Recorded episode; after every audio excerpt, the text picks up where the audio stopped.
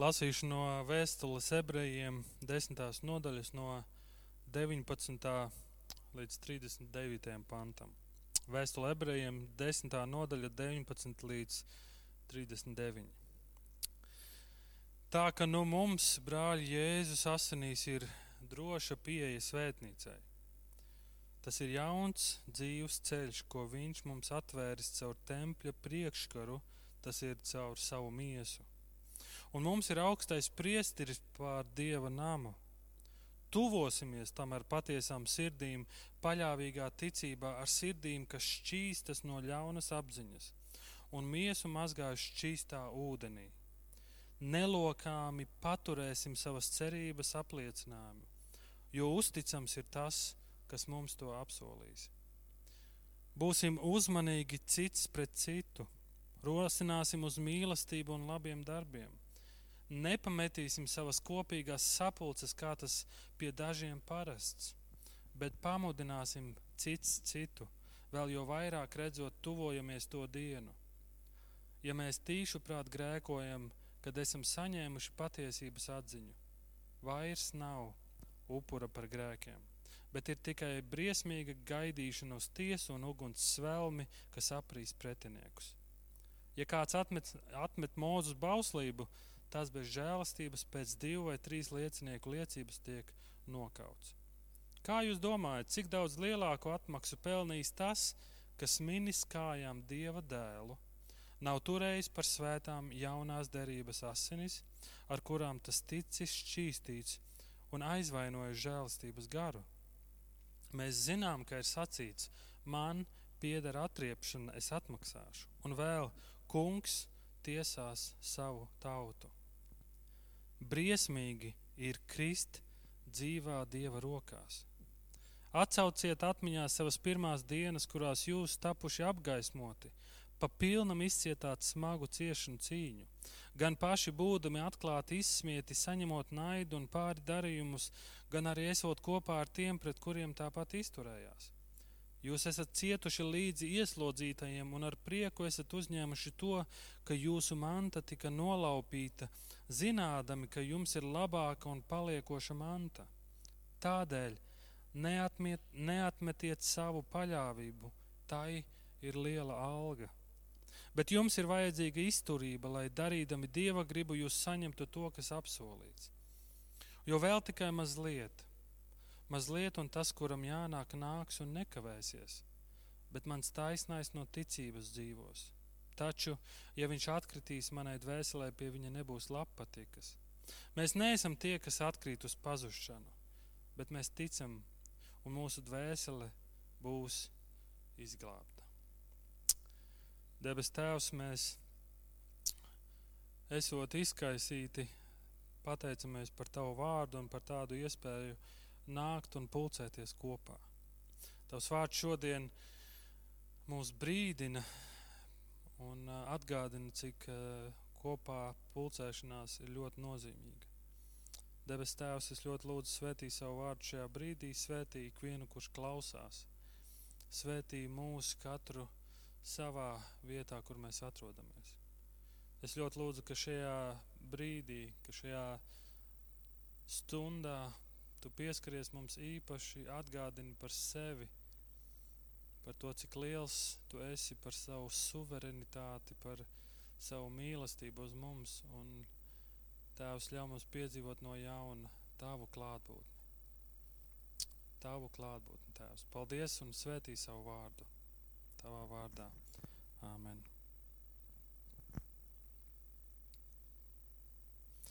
Kādi aizskari ir tavā viesistabā. Vai tu lūdzu varētu tos noraksturot tepat šajos komentāros? Mēģini aprakstīt, kādi aizskari ir tavā guļamistabā, viesistabā vai kādā citā istabā. Tik daudz laika mēs esam pavadījuši aiz aizskariem. Un skatoties uz mūsu valsti, uz mūsu vēsturi, mēs redzam, ka ka mēs esam arī pavadījuši kādu laiku aiz aizkariem, ko sauc par dzelzs priekškaru. Šīs ideoloģiskās cīņas un robežu nodalījums ir daudz stāsti par šiem laikiem, ir grāmatas sarakstītas, un, un esot aiz šī dzels priekškara, daudzi sapņoja un centās iztēloties, kāda dzīve ir aiz šī aizkara. Kāda iespējams sapņoja par dzīvi bez šāda norobežojuma. Un tā nu mēs šodien esam. Bez dzels priekškara, bet nu jau, jau ar citiem aiz saviem aizkariem. Kādi nu jau katram tie ir? Esam spiesti būt aiz aizkariem vīrusa dēļ. Un iespējams daudzi no mums, daudz mēs sapņojam, kāda dzīve būs pēc tam. Kad šis viss beigsies, vai beigsies, vai dzīve būs tāda pati, to mēs nezinām. Bet kāpēc par aizskriem šodien? Lieldienu laiks ir bijis tik īpašs, tik pārdomu pilns, ka ir tāda sajūta, ka negribas atstāt to, kas ir bijis, negribas aizmirst Un, un patiesībā, ja tu esi ticīgs cilvēks, tu kļūsti daļa no šī lieldienu stāsta, no šī lieldienu notikuma. Tāpēc šodien es vēlos domāt par kādu interesantu faktu, par kuru jau lasījām un domājām Mateja 27. nodaļā, 51. pants. Un redzi, tempļa priekškars tika pārplēsts divās daļās, no augšas līdz apakšai. Jēzum Kristum mirstot pie krusta, un, un, un kad viņš mīra, viņš, viņš izsaucās un teica, Tēvs, es nododu savu garu tev. Jeruzalemes tempļa priekškars pārplīst. Kāpēc evaņģēlēju autori šo faktu piemin? Iespējams, šī lielā, šī priekškara, šī lielā aizskara izmēra dēļ. Jēzus laikā Jeruzalemes tempļa priekškars bija 18 metru augsts, 9 metrus plats un pieauguša cilvēka plaukstas izmēra biezs. Un vēl Bībeles pētnieki apgalvo, ka ir vajadzīgi 300 priesteri, lai varētu sakustināt šo priekškaru. Bet patiesībā šim aizskaram, šim priekškaram ir daudz lielāka nozīme kā tikai izskats vai izmērs. Patiesībā templem bija divi tādi priekškari, kur viens no priekškariem aizsedza, aiz, aizsedza vissvētāko vietu. Un šajā vietā varēja ieiet tikai augstais priesteris vienu reizi gadā. Bija aizskars, kurš nodalīja tautu no vissvētākās vietas. Un šajā vissvētākajā vietā varēja iet augstais priesteris vienu reizi gadā. Vecajā darbā mēs lasām par Dievu, kurš izredz tautu, veido tautu. Bet tauta iekļūst nepatikšanās, maigi sakot. Un Dievs savu tautu glābi, un tā nepārtraukti tas atkārtojas. Bet ir svarīgi pamanīt vienu būtisku lietu Dievs savas tautas vadītājiem liek celt telti. Vēlāk arī templis tiek būvēts, kurā mājo dieva godība. Kādi varētu teikt, tas tādēļ, ka Dievs grib, lai viņu pielūdz. Un tā ir patiesība. Ja tu pazīsti Dievu, tad vienīgā un pareizā atbildes reakcija ir pielūgsme, ir pielūgt Dievu. Bet tas nav viss tas, ko mēs varam ieraudzīt, ka iemesls, kāpēc Dievs vēlas, lai tiek būvēta šāda telts un vēlāk arī templis, ir Viņš vēlas būt kopā ar savu tautu. Dievs vēlas būt kopā ar mums, tāpēc Viņš arī nāca. Taču vecā derība mums rāda vēl kādu patiesību. Iedomājas tautu, un tautai bija templis, kurā mājoja dieva godība, un tauta varēja priecāties un dziedāt un slavēt Dievu, kad viņu vidū ir Dievs. Bet šim templim, šai vissvētākajai vietai, bija kaut kas priekšā - aizskars, priekškars. Neviens nedrīkstēja ieiet vissvētākajā vietā. Un tas iemesls, kāpēc ir šis priekšstats, jo Dievs vēlas pasargāt sevi no tautas, jeb viņš vēlas pasargāt tautu no sevis.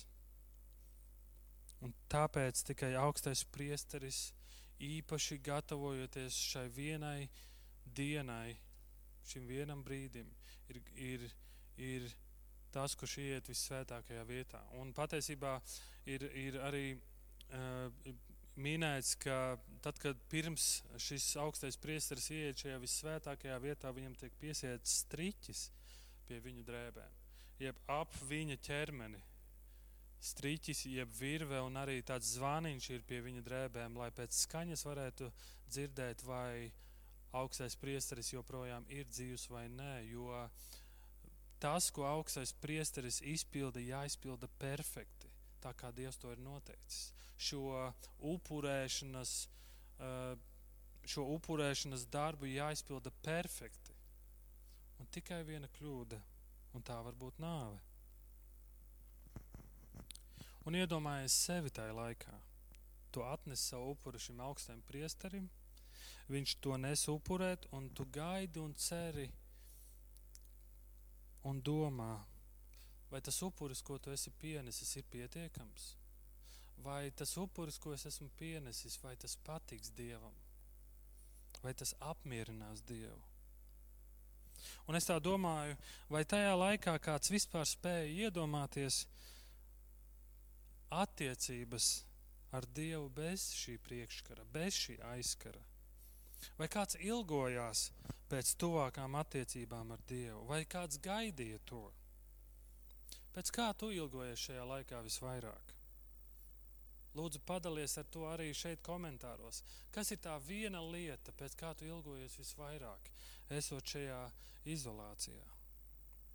Lieldienu laikā mēs iespējams esam dzirdējuši daudzas uzrunas un svētrunas un par Jēzus nāvi un augšām celšanos, bet reizēm ir sajūta, ka pēc šī visa Jēzus kaut kur izgaist.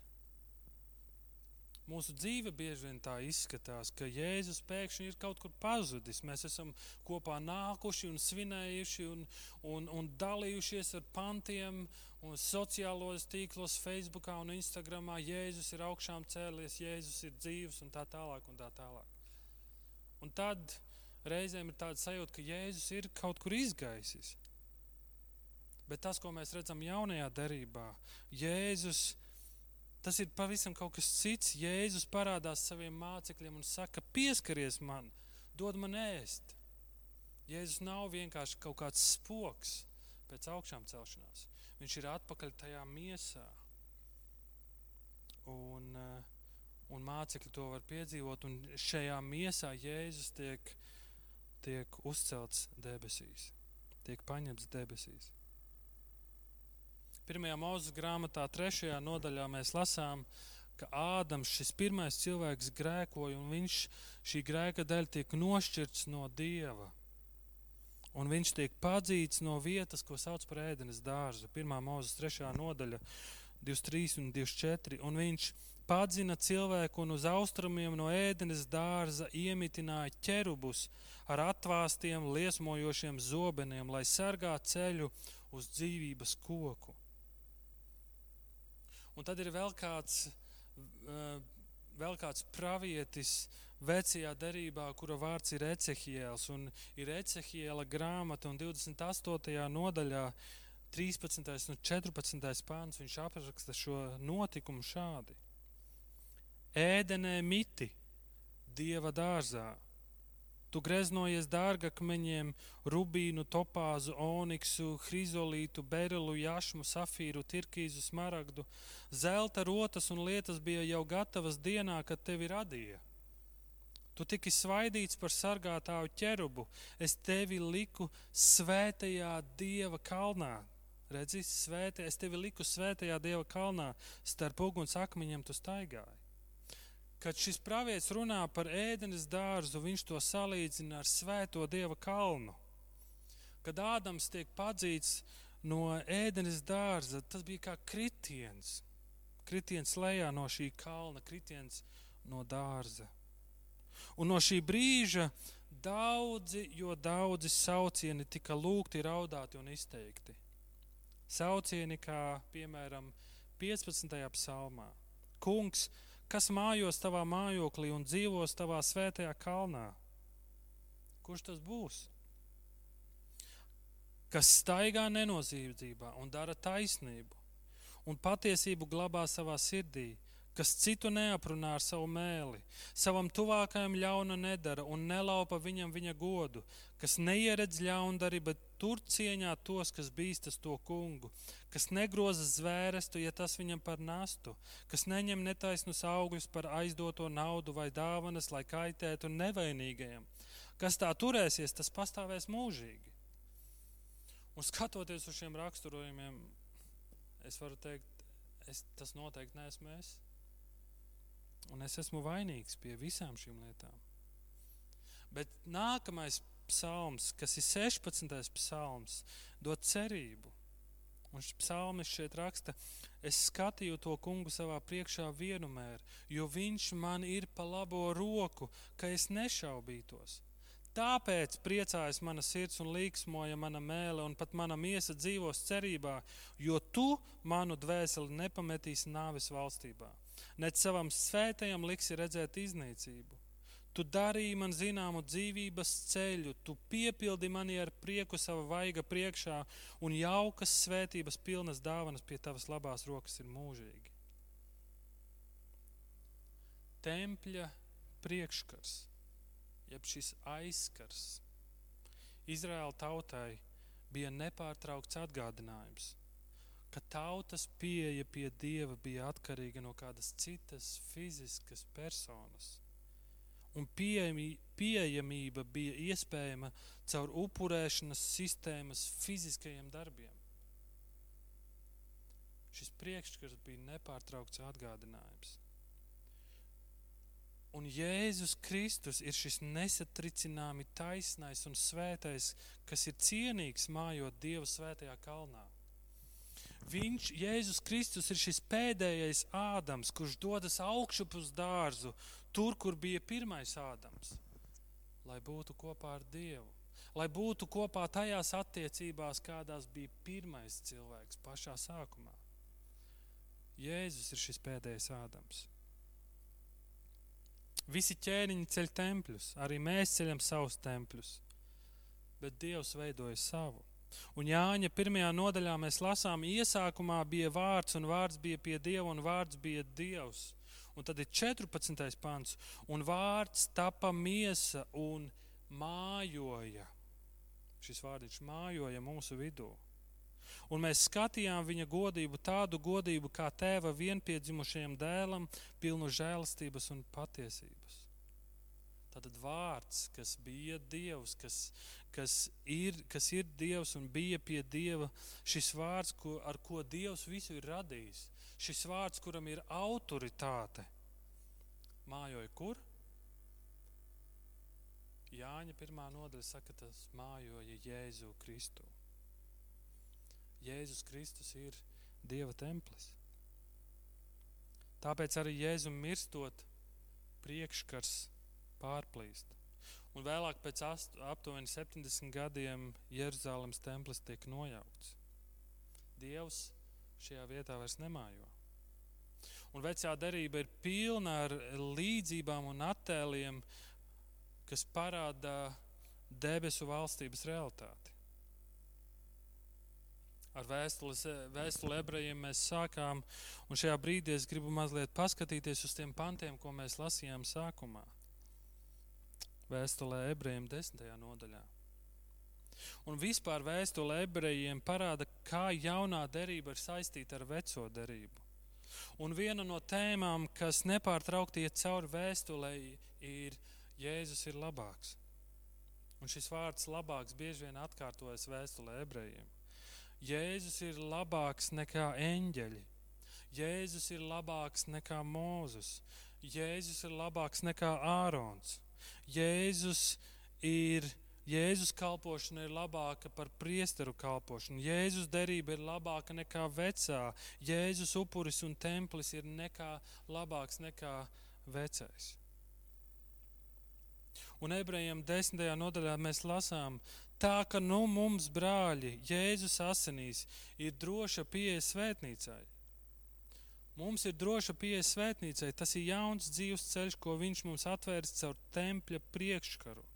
Tas ir caur savu miesu, un mums ir augstais priesteris pār dieva namu.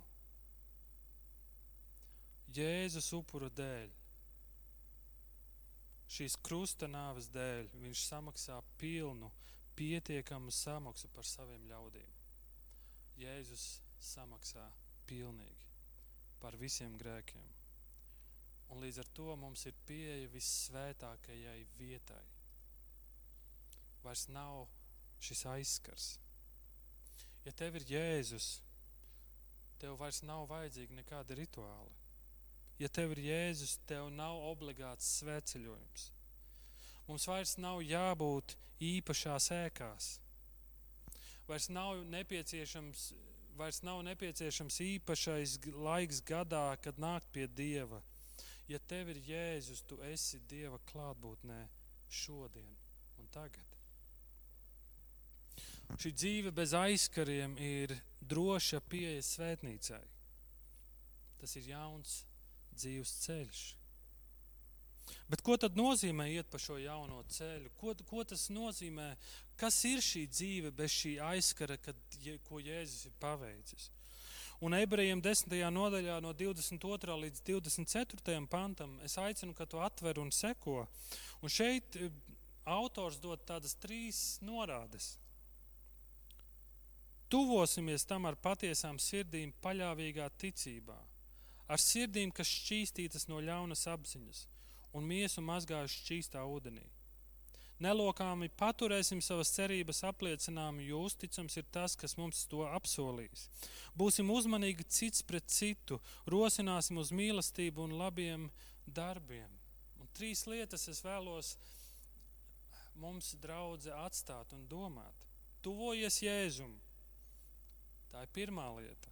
Paturi savas cerības apliecinājumu, tā ir otrā lieta, un trešā lieta - esi uzmanīgs pret citiem. Tuvojies Jēzum. Un vēstulē ebrejiem šis atgādinājums tiek izteikts vairāk kārt. Un šis aicinājums tuvoties nozīmē tādu tuvošanos Dievam, lai atrastu palīdzību no Viņa mūsu vajadzībās. Un zini, kas ir mūsu vislielākā vajadzība? Tā ir glābšana. Bet kāpēc mēs varam tuvoties? Kas mums dod šo drošību? Un te ir rakstīts, jo mūsu sirdis ir šķīstītas no ļaunas apziņas, un miesa mazgāta šķīstā ūdenī. Lūk, pamatojums, kāpēc mēs varam tuvoties. Jo mēs esam mazgāti. Kristieši dievam netavo, netavojas ar attieksmi, ka varbūt viņš mani uzklausīs. Varbūt man noveiksies, un es, un es tikšu ar viņu parunāt. Nē, ticīgo tuvošanās ir ar pārliecību. Tā ir pārliecība, ka visu, ko jebkad esam darījuši, domājuši un teikuši, tas viss ir nomazgāts, tas ir nokārtots, un Dievs ir apmierināts. Lūk, kāda tuvošanās. Ir kādi, kas varētu teikt, bet ko darīt, ja es jūtos netīrs? Tu nezini, kādas lietas es esmu paveicis vai teicis. Ko darīt, ja es jūtos netīrs? Un tieši tas ir tas, ko mēs lasām 22. pantā. Tuvosimies tam ar patiesām sirdīm, paļāvīgā ticībā. Tā ir normāla pieredze kristietim, kurš pieaug jo pieaugot un tuvojoties Dievam, mēs vairāk ieraudz, ieraugam to, cik svēts un cik liels un cik mīlestības pilns Viņš ir. Un kad mēs tuvojamies Viņa svētumam, tad jo vairāk mēs ieraugam savu grēcīgumu. Jo vairāk mēs ieraugam savu grēcīgumu. Bet ko tad darīt? Atbilde ir ticība. Ticība tajā, ko Jēzus ir paveicis ticība viņa vārdiem, viss piepildīts. Ticība viņa apsolījumiem. Lasi un pasludini to sev. Jo Bībele saka, ka ticība sākas ar pasludinātu vārdu. Negaidi kādu citu starpnieku, negaidi uz kādu īpašu laiku vai piedzīvojumu. Mums tagad, mums tagad ir pieeja vissvētākajam Jēzus dēļ, jo Jēzus ir labāks. Otrā lieta - paturēsim savas cerības apsolījumi. Un, un mēs lasām, nelokāmi paturēsim savas cerības apliecinājumu, jo uzticams ir tas, kas mums to ir apsolījis. Kristiešu cerība un skats ir, ir, ir rītdienā, ka mēs, mēs turamies pie tā, ko Dievs ir apsolījis. Droša nākotne, droša garantija. Kāpēc droši? Tāpēc, ka tas, kas to ir garantējis, ir pats Dievs kā mums jāturās, nelokāmi turēties. Un mums ir svarīgi atcerēties, ka mēs neesam vieni. Mums, mēs lasām, ka Jēzus ir šis augstais priesteris pie Dieva labās rokas. Mums ir šis augstais priesteris, pie kura mēs varam nākt pēc palīdzības un, un, un, un lūgt viņam palīdzību. Iespējams, šajā laikā tu esi sajūties viens, un iespējams, tu nejūti Dievu, Bet šodienas panti mums atgādina, mēs neesam vieni. Atgādini to savai sirdī, ieklausies vēlreiz. Tāpēc tuvosimies viņam ar pārliecību un ticību. Un trešā lieta, ko autors saka, būsim uzmanīgi cits pret citu. Un šis vārds uzmanīgi nav uzmanīsimies un baidīsimies, ka mums nepielīp vīrus. Bet šis vārds ir uzmanīgi skatīsimies, lūkosimies, kā mēs varam iedrošināt viens otru. Pastāvēt nelokāmi, turēties pie cerības apliecinājuma nozīmē būt uzmanīgiem vienam pret otru, rosināt uz mīlestību un labiem darbiem. Un tieši tāpēc 25. pants saka, nepametīsim savas kopīgās sapulces. Šis labais ieradums ir tik nepieciešams šis ieradums ir kaut kas, pēc kā mēs draugi tik ļoti ilgojamies, vai ne? Un patiesībā viena no pazīmēm, ka kristietis sāk nomaldīties, ir tas, ka tas pārstāja nākt kopā ar citiem kristiešiem. Iedrošināsim citu citu, pamudināsim citu citu uz mīlestību un labiem darbiem. Un tā ir mūsu kopīgā atbildība. Tas nav tikai mācītāja uzdevums vai mazās grupas vadītāja uzdevums vai uh, video vadītāja uzdevums. Tas ir mūsu kopu uzdevums. Un es tā domāju, interesanti, kā šis izolācijas laiks ietekmē tevi. Kādus ieradumus tas ir ienesis tavā dzīvē? Un, un es nedomāju nagu graušanu vai kaut ko tam līdzīgu. Bet es domāju, kā tas ietekmēs mūsu pulcēšanos. Mēs Vīlandē joprojām esam aicināti e, katru dienu no rīta, sešos un vakarā nākt kopā uz lūgšanām.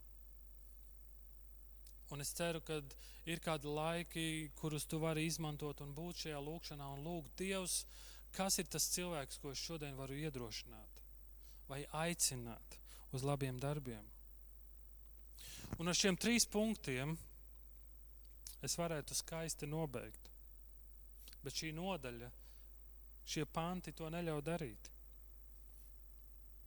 Jo no 26. līdz 31. pantam vēstules autors izsaka brīdinājumus. Un uzreiz jāsaka, ka šie panti ir visgrūtākie un visvairāk diskutētie panti vēstulē ebrejiem. Ja mēs tīšu prāt grēkojam, kad esam saņēmuši patiesības atziņu, vairs nav upura par grēkiem. Autors izsaka brīdinājumu, nopietnu brīdinājumu. Un šis teksts nav par to, ka man šodien bija slikta diena vai bija nedēļa, kurā es jūtos izgāzies. Šeit ir runa par apzinātu, dedzīgu un gribas pilnu grēkošanu. Par kādu novēršanos autors runā? Vai šie panti saka, ka ticīgs cilvēks var pazaudēt glābšanu? Bet paklausies, par kādiem cilvēkiem te ir runa. Tālāk šajos pantos rakstīts, tikuši apgaismoti. Tātad tādi, kuri ir saņēmuši šo gaismu, tad, kad tu esi saņēmis Dieva vārdu patiesību, tu esi dzirdējis, tas ir daudz, tā ir gaisma, kas tevi ir apspīdējusi. Vēstulē ebrejiem 6. nodaļā ir minētas vēl kādas lietas, ka tie, kas ir baudījuši debesu dāvanas. Iespējams, tu esi baudījis vakarēdienu, bet tas nenorāda, ka tu esi glābts. Iespējams, ka tu esi piedzīvojis brīnumus savā dzīvē, kad Dievs dziedina tevi vai kādu citu. Bet lūk, šis brīdinājums. Ja tu visu šo esi saņēmis un esi atkritis no šīs ticības, tad nav iespējams atpakaļ nākt pie atgriešanās. Nav iespējams atpakaļ nākt pie atgriešanās. Un autors saka, tāds nav turējis par svētām jaunās derības asinis, ar kurām tas ticis šķīstīts un aizvainojis žēlastības garu. Šīs nepiedodamais grēks ir ne tik daudz par to, ko tu vari izdarīt, kā par to, ko tu neizdari pēc visa tā, ko tu esi saņēmis. Tas nav tik daudz par to, ko tu ko tu vari izdarīt, kā vairāk par to, ko tu neizdari, saņemot visas šīs lietas. Un šis ir nopietns brīdinājums. Un paklausies vēstulē ebrejiem 3. nodaļā, un 14. un 15. pants. Un tur ir rakstīts, mēs esam Kristus līdzdalībnieki, mums vajag vien sākotnējo pamatu cieši paturēt līdz pat piepildījumam. Tādēļ ir sacīts, kad jūs dzirdat viņa balsi šodien, neapcietiniet savas sirdis kā toreiz sarūktinājumā pret Dievu. Mēs esam Kristus līdzdalībnieki. Nevis mēs būsim, bet mēs esam. Un tad, kad tu dzirdi šodien viņa balsi, neapcietini savu sirdi. Šajā brīdī, kad tu dzirdi Dieva vārdus, neapcietini savu sirdi. Mācītājs Džons Paipers saka, ja mēs nepastāvam līdz galam, tad mēs nekad neesam bijuši Kristus līdzmantinieki. Ja mēs nepastāvam līdz galam, tad tas vien nozīmē, ka mēs nekad neesam bijuši Kristus līdzmantinieki.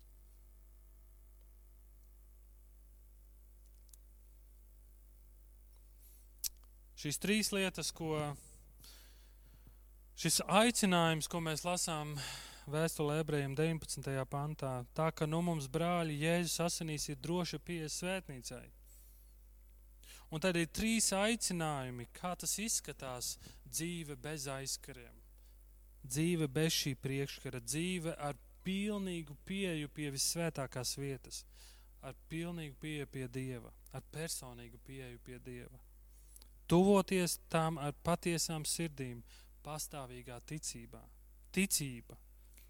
Otrā lieta - nelokāmi paturēt savas cerības apliecinājumu, cerība. Un trešā lieta - būt uzmanīgiem citam pret citu, mīlestība, ticība, cerība un mīlestība. Un tad seko brīdinājums.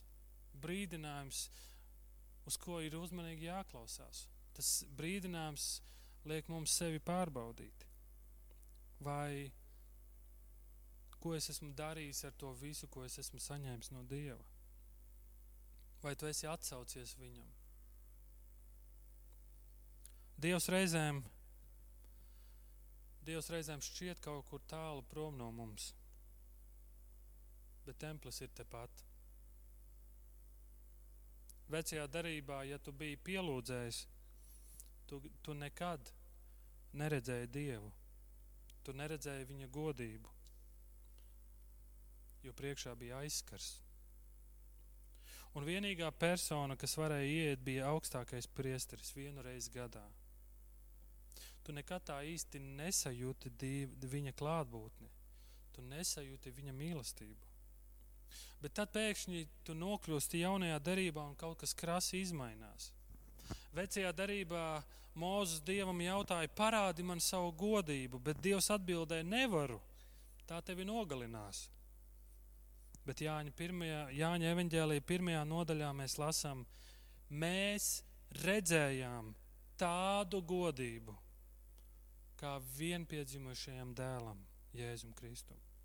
Jēzus saka, es esmu templis, es esmu tilts starp dievišķību un cilvēci.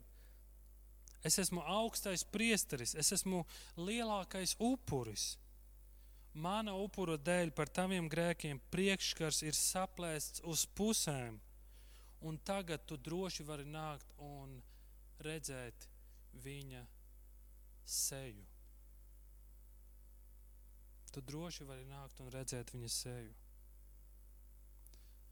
Un tāpēc jautājums tev, vai tu ļausi Jēzum saplēst tavu celto tempļu aizkarus, kas iespējams ir daudz biezāki nekā templim Jeruzalemē. Un iespējams uz taviem aizkariem ir e, skaisti zīmējumi, un iespējams tie ir no dārga materiāla.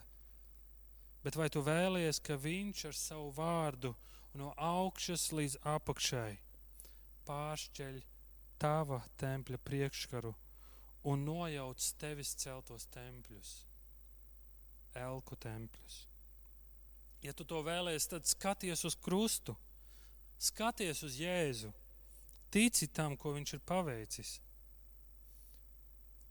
Vecajā darbā ir vēl kāds pravietis, ļoti pazīstams pravietis, un jes, ir, tas ir Jēzeja. Jēzejas grāmatā 63. nodaļā, ko sākumā lasīja Amēlija ir šis sauciens, ir šīs ilgas, ir šī cerība, kaut tu pāršķeltu debesis un nonāktu zemē, un tavā priekšā kalni līgotos, kaut tu pāršķeltu debesis un nonāktu zemē, un priekš, tavā priekšā kalni līgotos. Šis sauciens, šīs ilgas.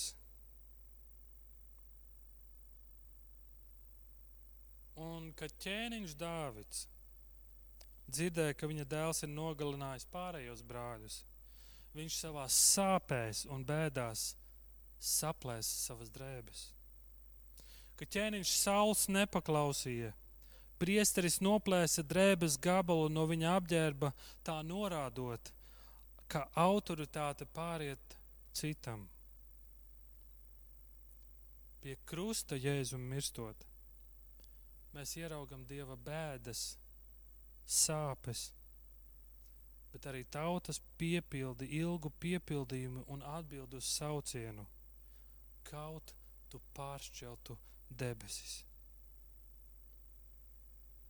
Kristum mirstot, Dievs pārplēš šo drēbes gabalu uz pusēm. Parādot savus bēdas un parādot, ka autoritāte mainās. Caur lūkšanu, caur ticību evaņģēliem, caur Dieva vārdu, tu vari sajust viņa klātbūtni. Jo Dievs mīt savām rokām celtā templī, savā svētajā templī, kas ir pats Jēzus Kristus. Un mācītājs Amerikā Tims Kellers saka, ja tev ir šī sadraudzība sirdī, ja tev ir šī sadraudzība sirdī, ja tev ir šī sapratne par Dieva suverenitāti, visaugstāko vāru tavā prātā, tu spēsi sastapties ar jebko. Ja tev ir sapratne sirdī un prātā, mēs spēsim sa sastapties ar jebko. Lūksim Dievu. Jēzus Kristu, paldies! Par tavu vārdu. Paldies par tik spēcīgiem attēliem un par šo atgādinājumu. Jēzu, paldies par šo atgādinājumu šodien, ko mums draudzē, kas esam izkaisīti, tik ļoti vajag. Ka mums ir šī pieeja pie tevis bez jebkādiem starpniekiem. Paldies Tev, Jēzu, par to. Es ļoti lūdzu, ka mēs no jauna esam iedrošināti un mēs pasludinam to no jauna savai sirdī un atgriežamies pie evaņģēlija un, un ticam un liekam cerību uz to. Un atkal no jauna lūkojamies tavā sejā, kas ir Jēzus Kristus. Un es ļoti lūdzu visus šos tempļus, ko mēs esam uzcēluši, tos mūsu tempļus un šos aizskarus, kas ir mūsu dzīvē, pārplēst tos pušu Palīdz mums skatīties, Jēzus, uz tavu krustu un uzticēties tev. Tavā vārdā. Āmen.